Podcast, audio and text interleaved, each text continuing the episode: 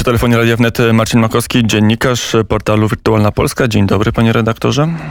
Dzień dobry. E, głównie porozmawiamy o sytuacji w kraju, ale e, przeprowadził pan wywiad z Agnieszką Romaszewską, o ile dobrze się zorientowałem w mediach społecznościowych, e, a tam kwestia kryzysu migracyjnego na granicy polsko-białoruskiej. Jak to wygląda z oceny osób, które są zaangażowane w walkę z, z reżimem Łukaszenki? Jak od tej strony wygląda kryzys migracyjny? Tak, faktycznie rozmawiałem wczoraj y, z Agnieszką Romaszewską. Y, ona jest teraz na Litwie, mm, więc też ogląda tę sytuację na granicy białorusko-litewskiej. Y, no i z tej perspektywy osoby, która dobrze zna reżim Aleksandra Łukaszenki, no to jest sytuacja, którą można porównać do wojny hybrydowej prowadzonej za pomocą ludzi po prostu, ludzi bezbronnych, naiwnych, wystraszonych, ludzi, których używa się E, po prostu tak jak, jak żywe tarcze, za którymi pędzi się wojsko, bo, bo nawet mówiła pani Romaszewska, że, że widziała takie obrazki, jak służby pograniczników białoruskich pod bronią pędziły te osoby na granicę z Litwą. No i opisała też ten proceder u, u swoich podstaw, co, co jest bardzo ciekawe. Mm, mówiła o grupach po języku arabskim, między innymi na, na Telegramie, na, na mediach społecznościowych, które y, zachęcają do podróży samolotem z Bagdadu do Mińska, tam oferują hotel, biorą oczywiście za to opłaty, no i jacyś tacy biznesmeni w cudzysłowie mówią, że potem przywiozą na granicę i już dosyć łatwo tam dojść do Wilna, a z Wilna no to, to już praktycznie można do Niemiec i jest lepsze życie i, i status i pieniądze i, i, wszystko. No a jak wygląda rzeczywistość, to widzimy, jak ci ludzie, no niektórzy oczywiście się przedostają, około 4000 osób przez Litwę, ale niektórzy e, po prostu tam stoją, marzną, są głodni, nie wiadomo co zrobić. No, to jest dramatyczna sytuacja. No tak, tak to pani Rumaszewska właśnie przedstawia. E, to e, jeszcze e, przełóżmy to na nasz kryzys polityczny, bo w Polsce wszystko jest polityczne i wszystko może być wpisane w spór głównych partii w polskim parlamencie. Tak samo stało się z kryzysem migracyjnym. Na ile on może wpłynąć na kształt polskiej sceny politycznej? Niektórzy mówią, że odgrzanie tego kryzysu, odgrzanie tematu imigracji może pomóc osłabionej władzy, a inni mówią, że to inne, inne czasy, to nie jest rok 15. Teraz zachowanie niehumanitarne może rządowi Prawa i Sprawiedliwości zaszkodzić, a nie pomóc? Bardzo się obawiam o to, jak to zostanie wykorzystane, bo po prostu widzę taki Widzę jakieś takie pokłady mm, ignorancji, y, często z jednej i z drugiej strony. To znaczy, w tym wszystkim jest człowiek, który stoi na tej granicy i jego życiowy dramat, i ten sam człowiek wpisany w geopolitykę. I to jest ten największy paradoks, bo z jednej strony trudno nie czuć empatii, nie pójść tam z jedzeniem na przykład. Z drugiej strony, widząc szerzej ten problem, no nie można po prostu pozwolić na to, żeby ktoś lecąc z Iraku przez Białoruś, tak naprawdę po to, aby destabilizować Unię Europejską zamyśle Putina i Łukaszenki, przecież nie jego. Y, oczekuje właściwie nie wiemy do końca czego. No, przepuszczenia bez dokumentów, bez papierów. Y, mamy wysłać sygnał, że można w taki sposób Unię Europejską szantażować. No, I to trochę też jest tak w polskiej polityce. No, z jednej strony mamy posłów, którzy tam idą z dwoma śpiworami i jakimś siedzeniem, no i to, to, to bardzo szlachetne, że pomagają ludziom w potrzebie, ale z drugiej strony mamy posłów Zjednoczonej Prawicy, którzy już by tutaj chcieli mur budować i, i, i, i, i znowu uderzyć w takie patriotyczne nuty. Prawda jest taka, że no, to jest i dramat ludzki, i dramat no, taki klasyczny, y, prowadzony właśnie przez metody hybrydowe, no, wojny z Zachodem trudno tutaj znaleźć złoty środek. Tylko, że nikt nawet nie próbuje, albo mało kto próbuje i ta dyskusja jest rozpięta na tych dwóch ekstremach. Wpuszczać, pomagać, yy, bo przecież tam są dzieci, matki i tak dalej, a z drugiej strony no, zero jakiejkolwiek nawet takiej ludzkiej empatii, czy korzystania z tego, co może jest możliwe, na przykład jakiś obóz dla, yy, dla tych osób, potem, nie wiem, próba mm, odesłania ich do kraju, ale w jakichś humanitarnych warunkach, no po prostu to jest niestety dzisiaj pożywka dla, dla, dla osób, które chcą łatwych odpowiedzi na trudne pytania, no tutaj takich nie ma. Mm, to teraz przejdźmy do naszej e, polityki krajowej, nie, nie, już nie związanej z tymi sygnałami, które wysyła nam świat dookoła. Mm, odwołanie marszałek Elżbiety Witek. Dzisiaj na antenie Radia Wnet przed chwilą Jarosław Gowin powiedział, że pani marszałek może być spokojna, bo PiS ma większość w Sejmie. Na ile to odejście Jarosława Gowina w tym wypadku może akurat nie, nie zagrozi w głosowaniu, ale na dłuższą metę e, spowoduje rozpad i utratę większości koalicji rządzącej? No to jest proces, od którego już odwrotu nie ma, erozji obozu władzy i to, że być może będzie miał PiS większość w przypadku obrony marszałek. Y, no to jak widzimy, czasami wystarczy przypadek trochę niefrasobliwości no i trzeba się uciekać właśnie do, do reasumpcji, która jest teraz powodem głosowania będzie powodem głosowania za odwołaniem Elżbiety Witek, mm, więc nic nie jest tutaj pewne i dane już w tej chwili na tacy. Za każde takie głosowanie trzeba będzie zapłacić jakimś dogadywaniem się z Konfederacją czy z Kukizem. Mm, no i oczywiście można tak rządzić nawet i do końca kadencji, mm, ale równocześnie ta sytuacja ma w sobie potencjał do tego, żeby w jakimś momencie po prostu przelać czele goryczy, no i albo z wolą Jarosława Kaczyńskiego, albo bez, zaprowadzić do scenariusza, który skończy się przyspieszonymi wyborami, no więc albo się uda kogoś realnie zwerbować do Zjednoczonej Prawicy, jakiś transfer z, zrobić, wtedy mieć taką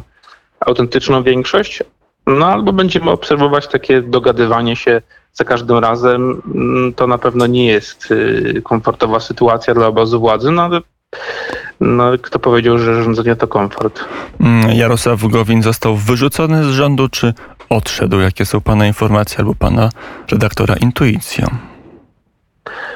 Hmm, chyba chciał być wyrzucony, tak myślę.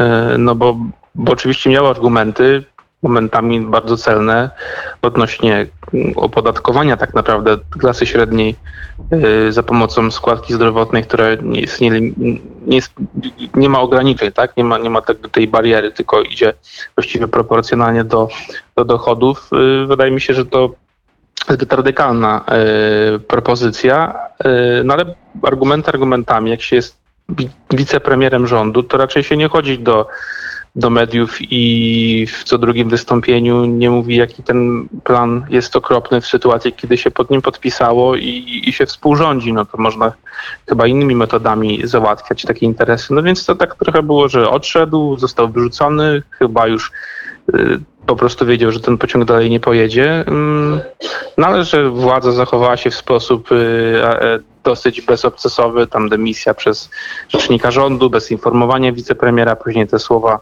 prezydenta Dudy, takich sobie nie przypominam, że może porozmawiają, ale jak prezydent zobaczy, czy to nie będzie totalna opozycja, no, no taka polska polityka w pigułce, tu każdy trochę gra, trochę oszukuje, trochę tutaj stroi się w jakieś szaty Katona, a w rzeczywistości nim nie jest. No, i średniej klasy serial, yy, średniej klasy House of Cards. E, a jeżeli Jarosław Gowin chciał być wyrzucony i dał się wyrzucić, to e, wątpię, żeby zrobił to bez planu. Jaka będzie przyszłość byłego wicepremiera w rządzie Mateusza Morawieckiego i byłego ministra w rządzie Donalda Tuska? No nie, no oczywiście, ten plan już był od bardzo długiego czasu, no przynajmniej od tego starcia z wyborami kopertowymi było oczywiste wtedy już, że tak naprawdę funkcjonalnie Zjednoczona Prawica nie istnieje. On tam może podpisywać w świetle Jupiterów jakieś porozumienia, ale no ci ludzie już ze sobą nie współpracują. Oni już myślą kategoriami po Jarosławie Kaczyńskim, po Zjednoczonej Prawicy. No Zbigniew Ziobro to obrał ten kurs, e, nie wiem, eurosceptyczny, próbujący szukać wyborców Konfederacji, taki tam twardy, suwerennościowy, to się nie będziemy poddawać eurokratom y, i będziemy to ostro reformować, a Jarosław Gowin no, konsekwentnie szedł w taką narrację, my tu bronimy przedsiębiorców, chcemy umiarkowanego, rozsądnego centrum. My jesteśmy partią, która szuka dialogu. No, taka trochę. Ale to wszystko wiem, działało w pierwszej kadencji, a napięć było nie mniej. E, co spowodowało, że teraz od początku tej kadencji był e, kłopot tylko koronawirus i tylko wybory kopertowe, czy, czy tam jednak e, były inne ruchy polityczne, coś co w tle i tak się toczyło, inne czynniki?